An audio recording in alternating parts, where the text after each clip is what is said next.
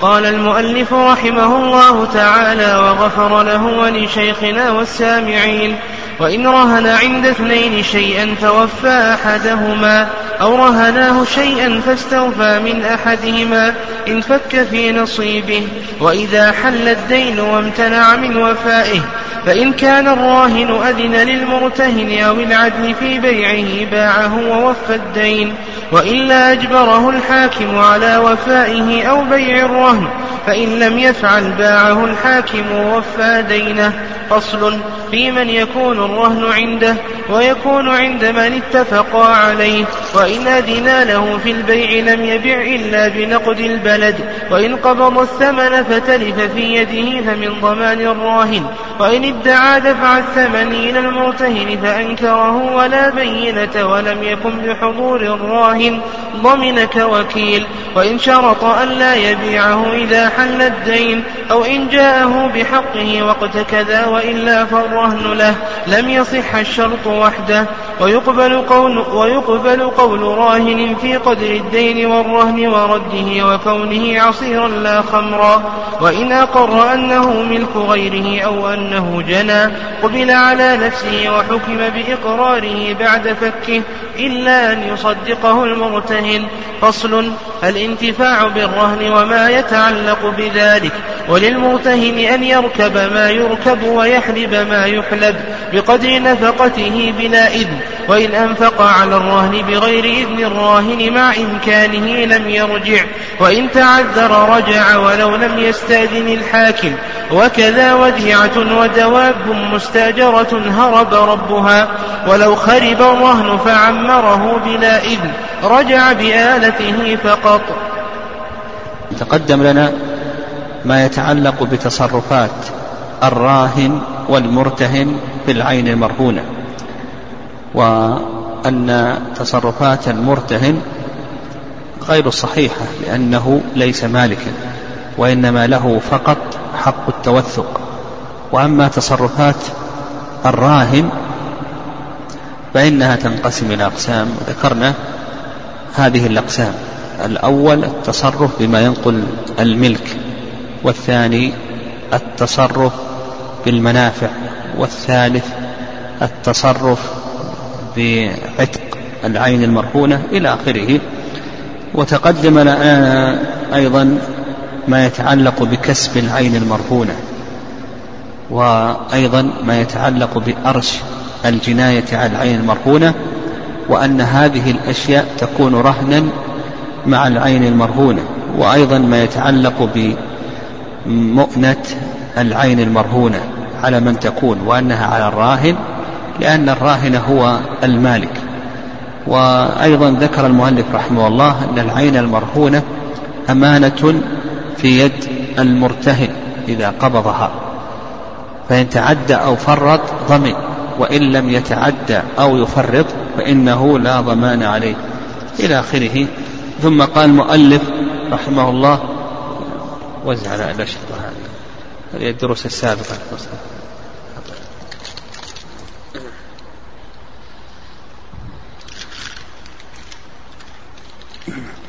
قال المؤلف رحمه الله تعالى وإن رهن عند اثنين شيئا فوفى أحدهما أو رهناه شيئا فاستوفى من أحدهما انفك في نصيبه. هاتان صورتان. نعم هاتان صورتان. الصورة الأولى قال وإن رهن عند اثنين شيئا فوفى أحدهما. هذه الصورة الأولى. مثالها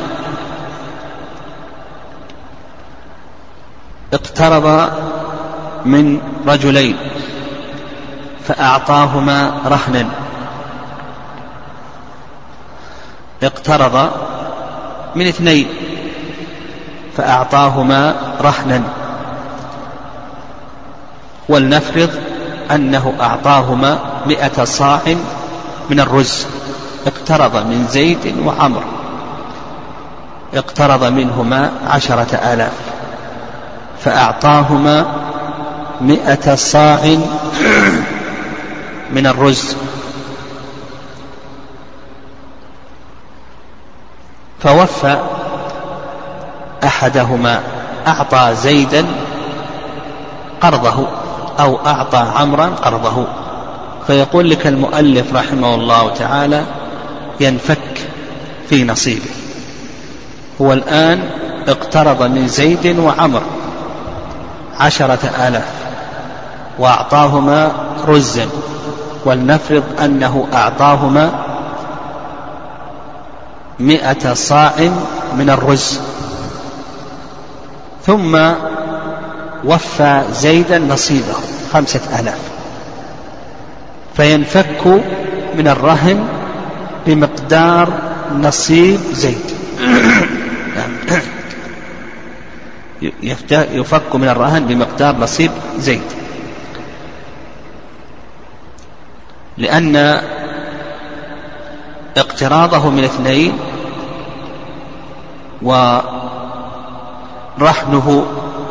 لأن اقتراضه من هذين الاثنين ورهنه عندهما بمنزلة عقدين. فإذا وفى نصيب أحدهما انفك الرهن في نصيبه. الصورة الثانية قال أو رهناه شيئا فاستوفى من أحدهما انفك في نصيبه. عكس هذه الصورة عكس هذه الصورة أقرض زيدا وعمرا عشرة آلاف ريال. وزيد وعمر رهناه مئة صاع من البر. أقرض زيدا وعمرا عشرة آلاف ريال. ورهناه مئة صاع من البر. ثم إن أحدهما وفى دينه للمرتهن للمقرض فينفك الرهن في نصيبه. يعني ينفك الرهن في نصيبه. لما تقدم أن هذا بمنزلة تعدد العقود. فإذا وفى أحدهما انفك في نصيبه. فإذا أقرض اثنين أو ثلاثة أو باع عليهما بثمن مؤجل ثم أعطياه رهنا فوفى أحدهما أو أحدهم فنقول بأنه ينفك في نصيبه. الرهن ينفك لأن هذه منزلة تعدد العقود. قال المؤلف رحمه الله ومتى حل الدين؟ ومتى حل الدين؟ وامتنع من وفائه فإن كان الراهن أذن للمرتهن أو العدل في بيعه باع هذه فائدة الرهن أنه إذا حل الدين ولم يوفي الراهن للمرتهن حقه فإنه يستوفى من هذه الوثيقة. نقول يستوفى من هذه الوثيقة.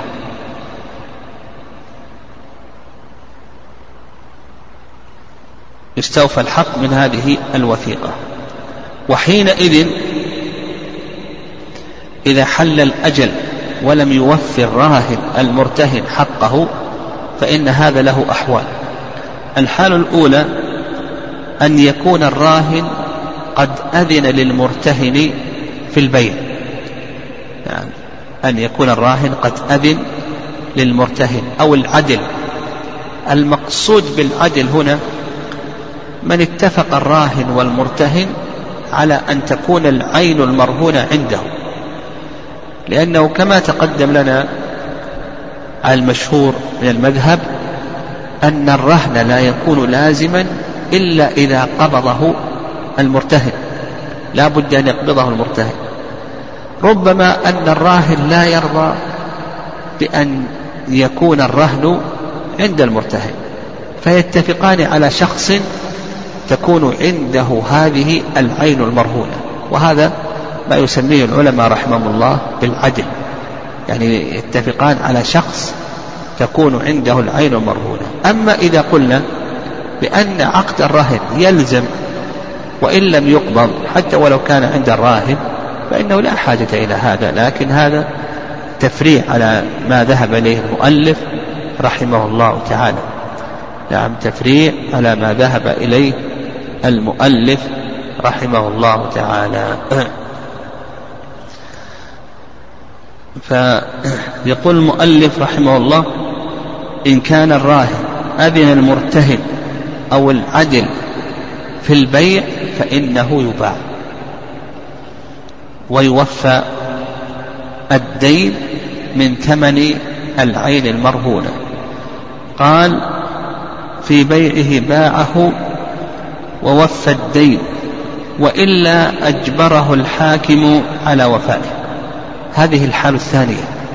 ألا يكون الراهن قد أذن المرتهن في بيع العين المرهونة فإن القاضي يجبر الراهن في أن يبيع أو أن يأذن. فإذا باع أو أذن في البيع كفى ذلك. قال أو بيع الرهن. هذه الحالة الثالثة. إذا لم يأذن الراهن في بيع العين المرهونة ولم يبع العين المرهونة فإن الحاكم يقوم مقامه ويكون حينئذ الإكراه بحق. فالحاكم يقوم مقامه ويقوم ببيع العين المرهونة ويوفي المرتهن حقه. يوفي المرتهن حقه. وحينئذ لا يخلو ذلك من ثلاث حالات الحالة الأولى أن يكون الثمن مساوي للحق فهذا الراهن لا له ولا عليه. الحال الثانية أن يكون الثمن أكثر من الحق فما زاد فإنه يرجع على الراهن على المالك. الحال الثالثة أن يكون الثمن أقل من الحق أنقص من الحق فيبقى في ذمة الراهن يعني يبقى في ذمة الراهن للمرتهن. قال أو بيع الرهن فإن لم يفعل باعه الحاكم ووفى دينه. قال فصل. ويكون عند من اتفق عليه. هذا الكلام أو هذا التفريع الذي ذكره المؤلف رحمه الله تعالى كله مبني على أن القبض شرط للزوم عقد الرهن.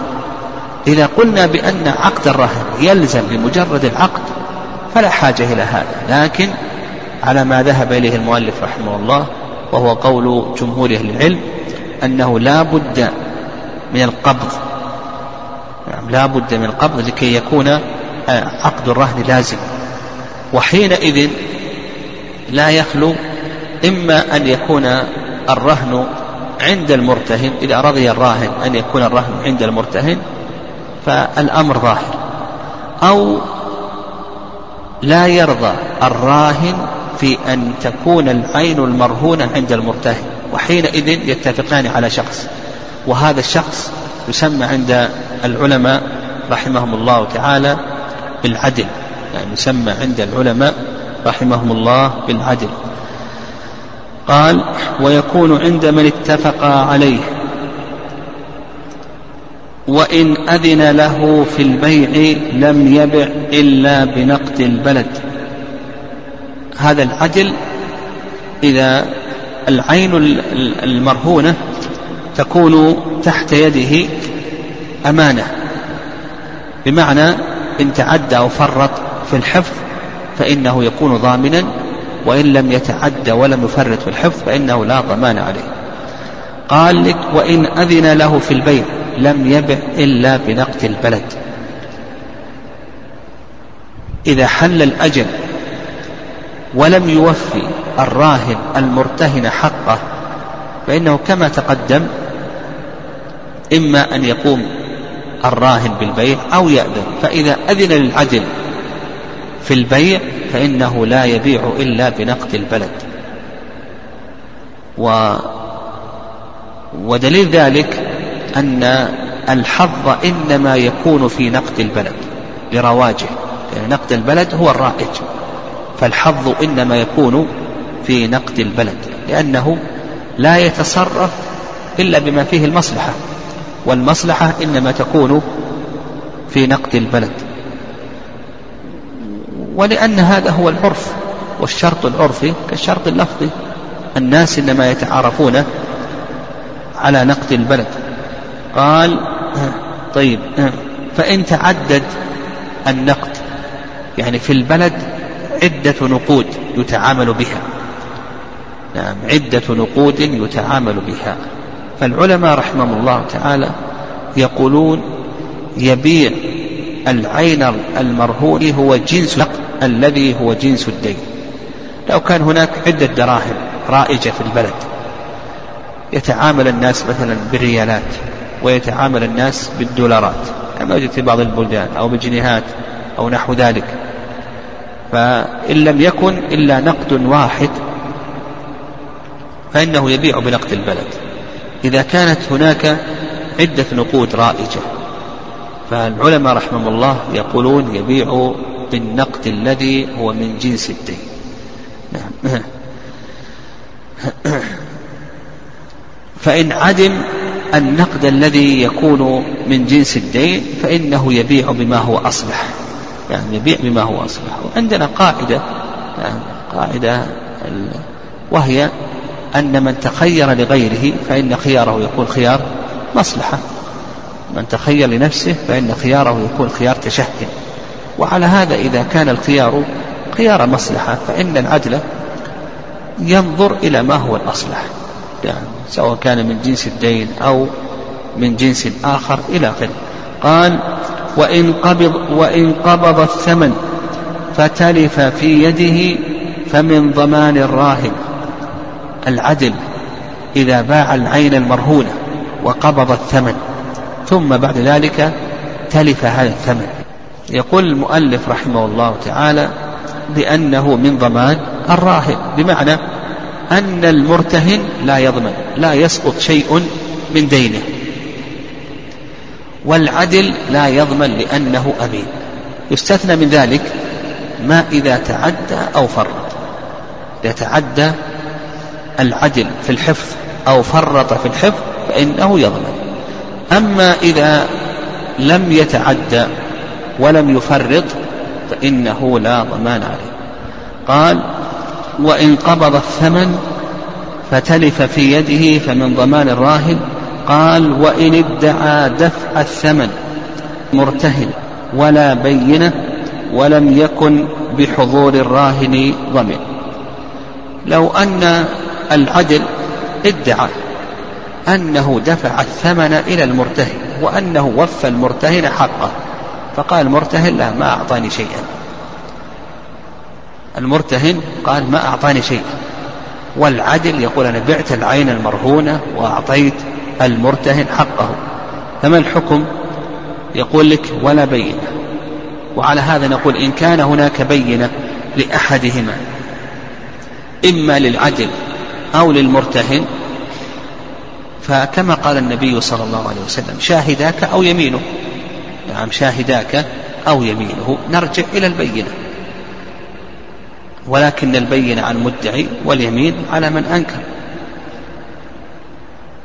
طيب إذا لم يكن هناك بينة فمن ضمان من؟ قال لك المؤلف رحمه الله من ضمان العدل. إلا إذا كان ذلك بحضور الراهن. لماذا من ضمان العدل؟ لأن العدل فرط الواجب عليه أن يشهد أو أن تكون هناك وثيقة حينما دفع الثمن إلى المرتهن. الواجب عليه أن يكون هناك بينة أو أن يكون هناك وثيقة تحفظ هذا الحق. فكونه فرط لم يكن هناك وثيقة ولم يكن هناك بينة فإنه يكون من ضمان العدل العدل هو الذي يضمن. اللهم إلا أنه يستثنى من ذلك الأشياء التي جرت عادة الناس أنهم لا يشهدون عليها ولا يوثقونها لعدم خطرها. مثلا يعني مئة ريال كمئة ريال كمئتي ريال كخمسمائة ريال. عادة الناس أنهم لا يشهدون على مثل هذه الأشياء. لكن المبالغ الكبيرة المبالغ الكبيرة هذه يأخذون عليها الوثائق والسندات أو يجعلون عليها البينات. فما جرت العادة أنه لا تؤخذ عليها بينة ولا وثيقة فنقول بأن العدل لا يضمن. ويبقى الأمر بين المرتهن وبين الراهن لكن ما لم تجري العادة إلا بتوثيقه أو أخذ البينة عليه فنقول هنا العدل هنا فرط فعليه أن يضمن. قال المؤلف رحمه الله تعالى ولم يكن بحضور الراهن ضمن كوكيل. يعني حكم حكم الوكيل في مثل هذه المسائل. فالوكيل إذا وكل في قضاء الدين فقضى الدين للمدين. ثم بعد ذلك المدين أنكر. قال ما أعطاني شيء. قال الوكيل أنا أعطيته. وش الحكم؟ يضمن الوكيل أو لا يضمن؟ يقول لك المؤلف رحمه الله يضمن. لماذا؟ لأنه فرط. الواجب على الوكيل حينما سدد الدين للمدين أن تكون هناك بينة أو أن يكون هناك وثيقة. لكن نستثني من هذه المسألة. نعم نستثني من هذه المسألة. ما جرت العادة. أنه لا تؤخذ عليه البينات أو الوثائق إلى آخره. قال المؤلف وإن شرط ألا يبيعه إذا حل الدين أو إن جاءه بحقه في وقت كذا وإلا فالرهن له لم يصح. نعم إذا شرط الراهن ألا يباع ألا تباع العين المرهونة إذا حل الدين. قال بشرط أنه ما يباع. يقول لك المؤلف رحمه الله هذا شرط فاسد. لماذا؟ لأنه يخالف مقتضى العقد.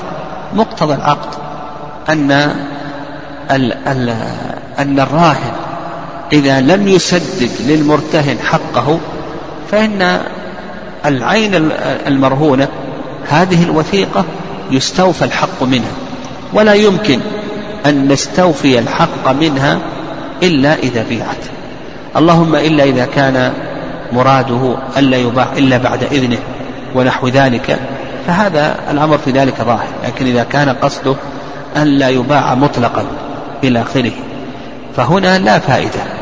هنا نقول بأنه لا فائدة من الراهن وهذا يخالف مقتضى العقد.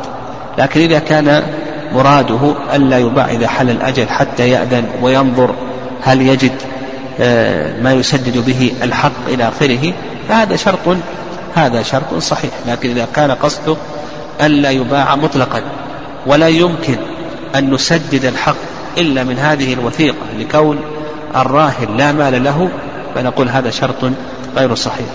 قال أو إن جاءه بحقه في وقت كذا وإلا فالرهن له لم يصح الشرط وحده. هذه المسألة تقدمت لنا في شروط البيع وهي ما يسمى بغلق الرهن.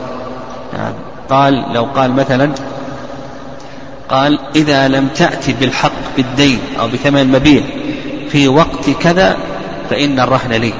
تقدم الكلام على هذه المسألة وأن هذه هي مسألة غلق الرهن. والنبي صلى الله عليه وسلم يقول لا يغلق الرهن من صاحبه الذي رهنه له غنمه وعليه قرمه وتقدم الخلاف في هذه المسألة وأن غلق الرهن كان موجودا في الجاهلية وذكرنا أن هذه المسألة ثلاثة أقسام إلى آخره. قال ويقبل قول راهن في قدر الدين في قدر الدين والرهن ورده وفي كونه عصيرا لا خمرا. نعم. آه. هذه مسائل. المسألة الأولى ما يتعلق بقدر الدين إذا اختلف في قدر الدين. قال المرتهن قدر الدين عشرة آلاف. قال الراهن لا قدر الدين تسعة آلاف. فمن القول قوله؟ يقول المؤلف رحمه الله تعالى بأن القول قول الراهن. لماذا؟ لأن الراهن غارم. الراهن غارم. والقاعدة على المذهب أن القول يعني القاعدة في الجملة على المذهب أن القول قول الغارم. فإذا اختلف المرتهن صاحب الحق يقول عشرة والراهن الذي عليه الحق يقول تسعة. فنقول يقول لك المؤلف بأن القول قول الراهن لأنه غارم. نعم لأن الراهن غارم.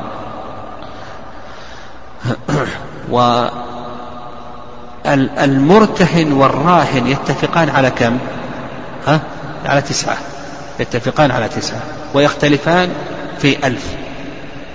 المرتهن يدعي والراهن ينكره والبين على المدعي واليمين على من أنكر. وعلى هذا نقول إن كان هناك بينة نرجع للبينات كان هناك شهود أو وثائق نرجع للشهود والوثائق. إذا لم يكن هناك بينة نرجع القرائن. نعم نرجع القرائن. فقد تدل القرائن على أن القول قول المرتهن وقد تدل القرائن على أن القول قول الراهن. فمثلا الرهن إذا كان الرهن يساوي عشرة آلاف أو أكثر فهذه قرينة تؤيد قول من؟ المرتهن. وإذا كان الرهن يساوي تسعة فهذه قرينة تؤيد قول الراهن. إذا لم يكن هناك قرائن فعلى ما ذكر المؤلف رحمه الله تعالى قال لك في قدر الدين والرهن نعم الرهن قال الراهن أنا رهنت كتابين. قال مرتهن لا أنت لم ترهني إلا كتابا واحدا فقط. يعني الراهن يقول أنا أعطيتك كتابين رهنا. فقال المرتهن لا أنت لم تعطني إلا كتابا واحدا. الكلام في هذه المسألة كما كان هناك بينة نرجع البينة. إذا لم يكن هناك بينة نرجع القرائن. يعني نرجع القرائن. فقد تدل القرائن لقول المرتهن وقد تدل لقول الراهن. إذا لم يكن شيء من ذلك يعني إذا لم يكن شيء من ذلك فيقول المؤلف رحمه الله تعالى بأن القول قول الراهن. لماذا قول القول الراهن؟ لأن الأصل معه. يعني يقولون بأن الأصل معه. قال المؤلف رحمه الله تعالى نعم آه، القول قول الراهن نعم لأنه منكر. نعم القول قول الراهن لأنه منكر. و آه، المرتهن مدعي والبين على المدعي واليمين على من أنكر. قال ورده. ورده هذه المسألة الثالثة. إذا اختلف في رد العين المرهونة فيقول المؤلف رحمه الله بأن القول قول الراهن. قال المرتهن رددت عليك الكتاب المرهون. قال الراهن لم ترده. هذا كما تقدم. إن كان هناك بين نرجع البين إذا لم يكن هناك بين نرجع للقرائن إذا لم يكن شيء من ذلك فيقول المؤلف رحمه الله بأن القول قول الراهن لأن الأصل عدم الرد. قال وفي كونه عصيرا لا خمرا. هذه المسألة الرابعة. قال المرتهن أنت رهنتني هذا الشيء لكنه خمر. قال الراهن لا. أنا أعطيتك عصيرا لم أعطك خمرا. أنا أعطيتك أنا أعطيتك عصيرا لم أعطك خمرا. فما القول قوله؟ يقول لك المؤلف رحمه الله بأن القول قول الراهن لأن الأصل في ذلك السلامة الأصل في ذلك السلامة قال وإن أقر أنه ملك غيره أو أنه جنى قبل على نفسه. لو أن الراهن بعد أن سلم العين المرهونة مثلا اقترض الراهن اقترض وأعطى السيارة رهنا. وبعد أن أعطى السيارة رهنا قال السيارة أصلا ليست لي. السيارة لزيد. ها؟ قال السيارة التي أعطيتك رهنا هذه ليست لي هذه لزيد. هل يقبل ذلك على المرتهن أو يقبل على نفسه؟ يقول لك المؤلف رحمه الله لا يقبل على المرتهن. إقراره يقبل على نفسه ولا يقبل على غيره. وحينئذ قوله السيارة ليست لي وإنما هي لزيد أو بكر إلى آخره. هذا غير مقبول على المرتهن وتبقى الوثيقة كما هي تباع ويوفى من الحق ويقبل على نفسه. بمعنى أنه بعد الرهن يطالبه زيد الذي أقر له. نعم. ولا يمكن أن نبطل حق الغير بهذا الإقرار يعني كونه أقر على غيره هذا غير مقبول. لكن كونه أقر على نفسه فنقول بأن هذا مقبول. لأن لو قبلنا إقراره على غيره دون دون أن يكون هناك بينة لأدى ذلك إلى ضياع الحقوق. مثل هذه المسألة يؤدي إلى ضياع حق المرتهن من الوثيقة. فنقول كلامك هذا مقبول على نفسك. تطالب بعد الرهن بعد فك الرهن بما أقررت به لزيد وأن هذه السيارة ليست لك لزيد. لكن هذه السيارة تبقى وثيقة ولا تعطى للمقر له أو أنه جنى نعم قال لك المؤلف قبل على نفسه. يعني قال هذا الرقيق نعم هذا الرقيق الذي أعطيتك رهنا جنى. عمل جناية والرقيق جنايته كيف تكون؟ أرش جنايته كيف تكون؟ تكون في رقبته. تكون في رقبته. كيف في رقبته؟ يعني ناخذ هذا آه، الرقيق نأخذه ونبيعه ونسدد للمجني عليه أرش الجناية من ثمنه. لكن هل هذا يقبل على المرتهن؟ أو نقول بأنه لا يقبل على المرتهن؟ نقول بأن هذا لا يقبل على المرتهن. وتبقى العين المرهونة رهنا. يوفى منها الحق. وبعد توفية الحق يقبل ذلك على نفسه. أم يقبل ذلك على نفسه.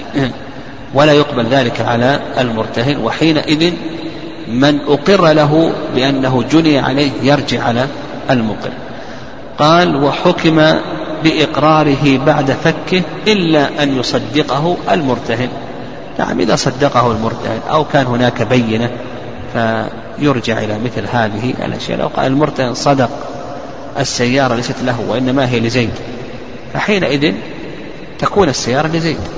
ويبطل تبطل الوثيقة بهذه السيارة تبطل الوثيقة بهذه السيارة ويطالب بوثيقة أخرى. أو كانت هناك بينة قامت بينة على أن هذه السيارة كما أقر وأنها لزيد إلى آخره فإن هذه الوثيقة تبطل ويطالب بوثيقة أخرى. قال المؤلف رحمه الله فصل وللمرتهن نعم قال مرتهن قال فصل وللمرتهن أن يركب ما يركب ويحلب ما يحلب بقدر نفقته بلا إذن. هنا تكلم المؤلف رحمه الله عن انتفاع المرتهن بالعين المرهونة. المرتهن هل له أن ينتفع بالعين المرهونة أو نقول بأنه ليس له أن ينتفع بالعين المرهونة؟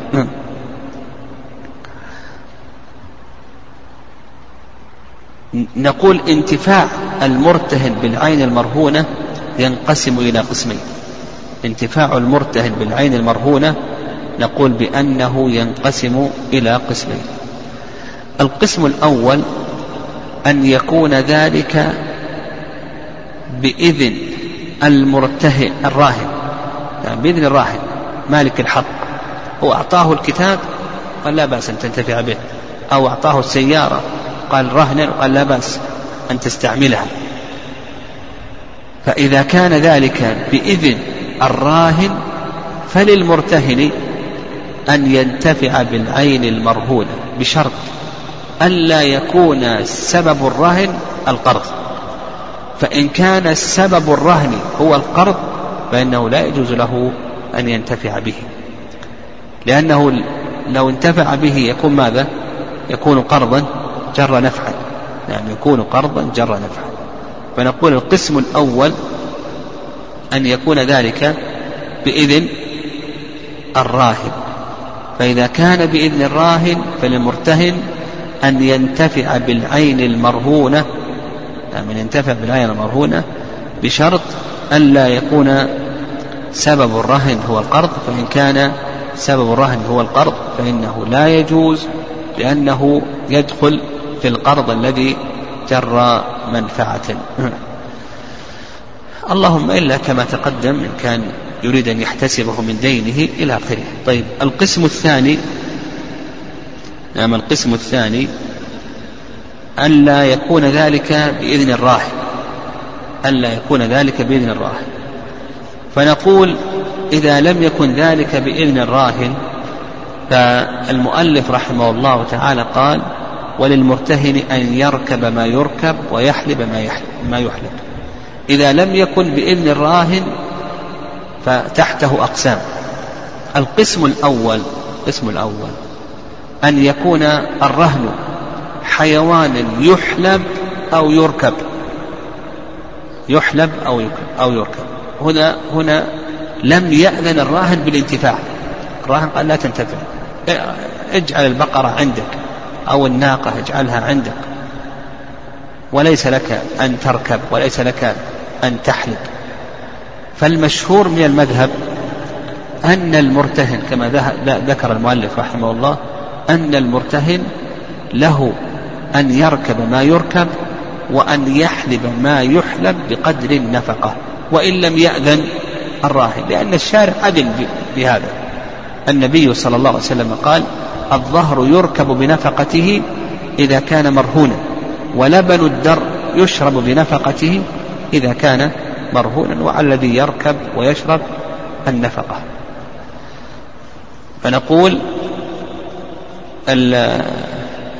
إذا كان حيوانا يركب أو يحلب فللمرتهن أن يركب ويحلب بقدر النفقة. وحينئذ لا يخلو ذلك من ثلاث حالات. أن تكون النفقة مقابلة للحليب هذا لا له ولا عليه. الحال الثانية أن تكون النفقة أكثر من الحليب.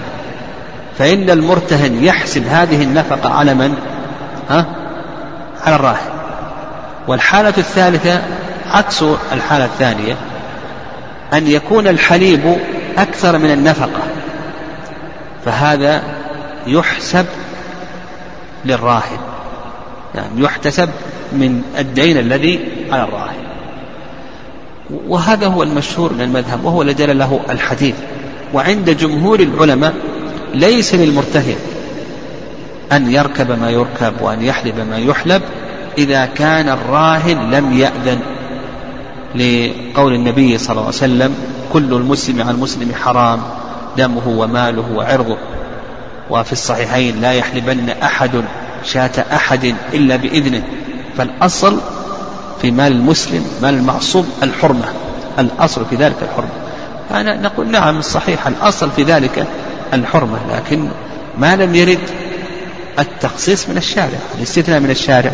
ما دام أن الشارع ورد منه ورد عنه الاستثناء وأنه جوز للمرتهن أن يركب وأن يحلب ما يركب ويحلب فنقول بأن هذا مستثنى هذا القسم الأول.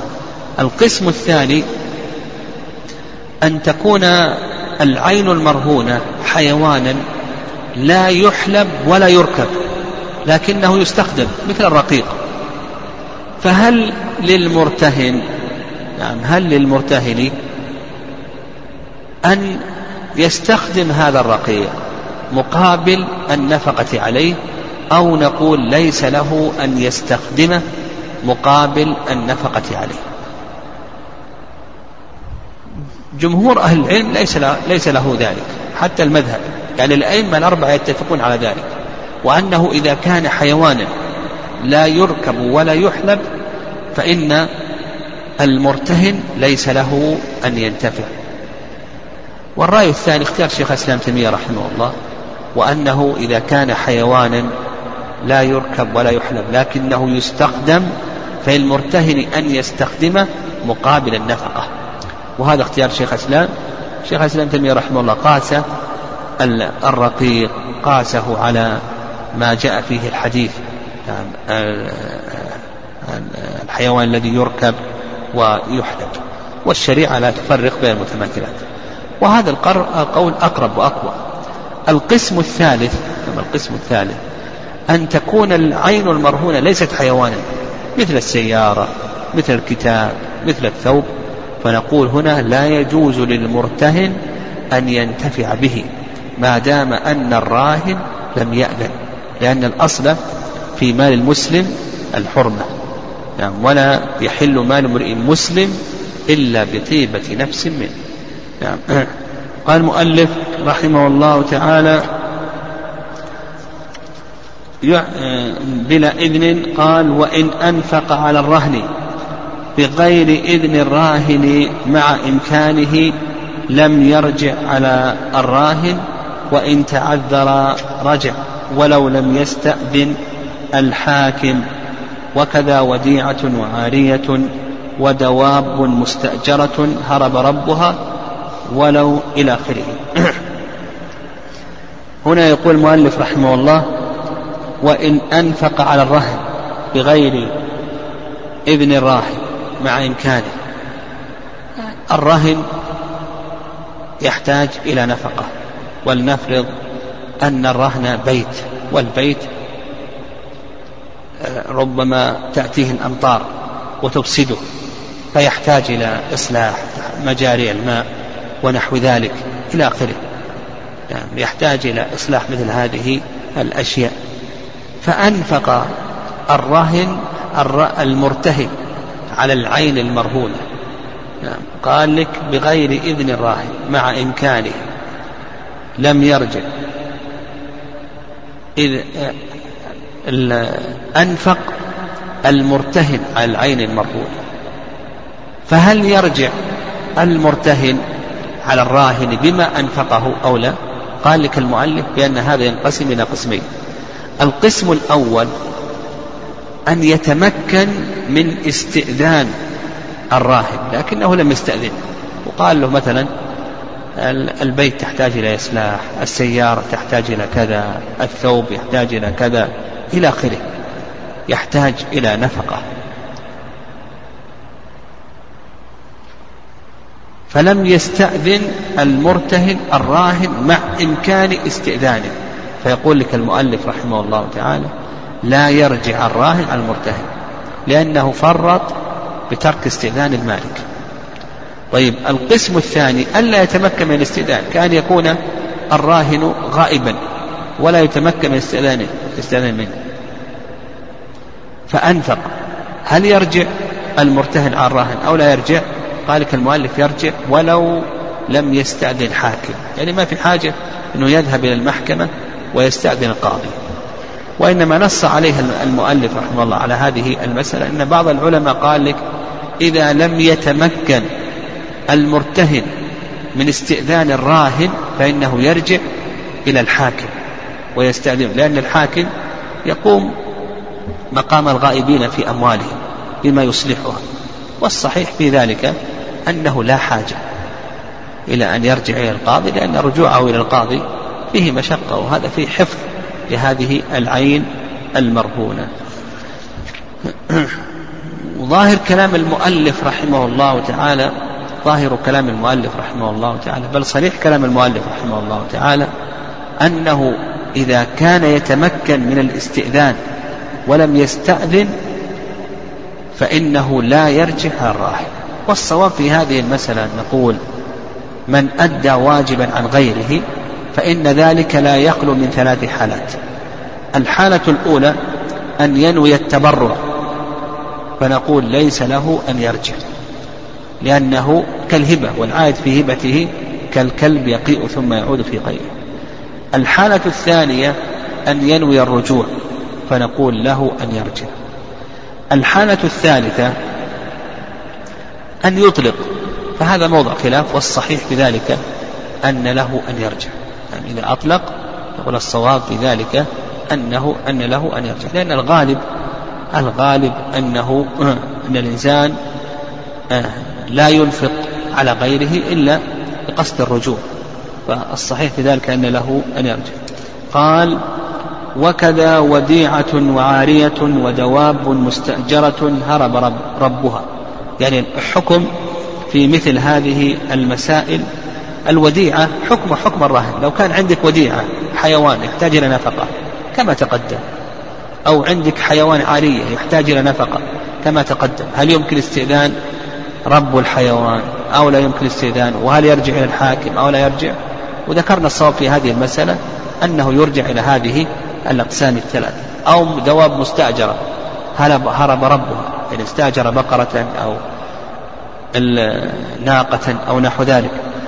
قال ولو خرب الرهن فعمره بلا إذن رجع بآلته فقط. لو خرب الرهن. مثلا البيت تهدمت. وقام المرتهن وعمر هذه البيت. ولم يستأذن الراهن يقول لك المؤلف رحمه الله رجع بآلته فقط. نعم يرجع بآلة البيت فقط. إيش معنى آلة البيت؟ يعني يعني آلة البيت مثل الأبواب والنوافذ والحجارة وأيضا يعني الأبواب والنوافذ والحجارة ونحو ذلك. هذه تسمى بآلة البيت هذه التي يرجع بها. ما عدا ذلك من أجرة المعمرين ومما تحفظ به مالية البيت نعم هذه لا يرجع بها.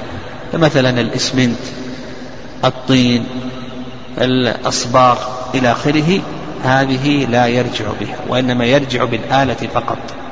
نعم. هذا ما ذكر المؤلف رحمه الله وسبق أن تقدم ذكرنا نعم أن تقدم أن ذكرنا أن هذا لا يخلو من ثلاث حالات نعم وأن من أدى واجبا عن غيره فإنه لا يخلو من ثلاث حالات. نعم وفق الله الجميع. ها؟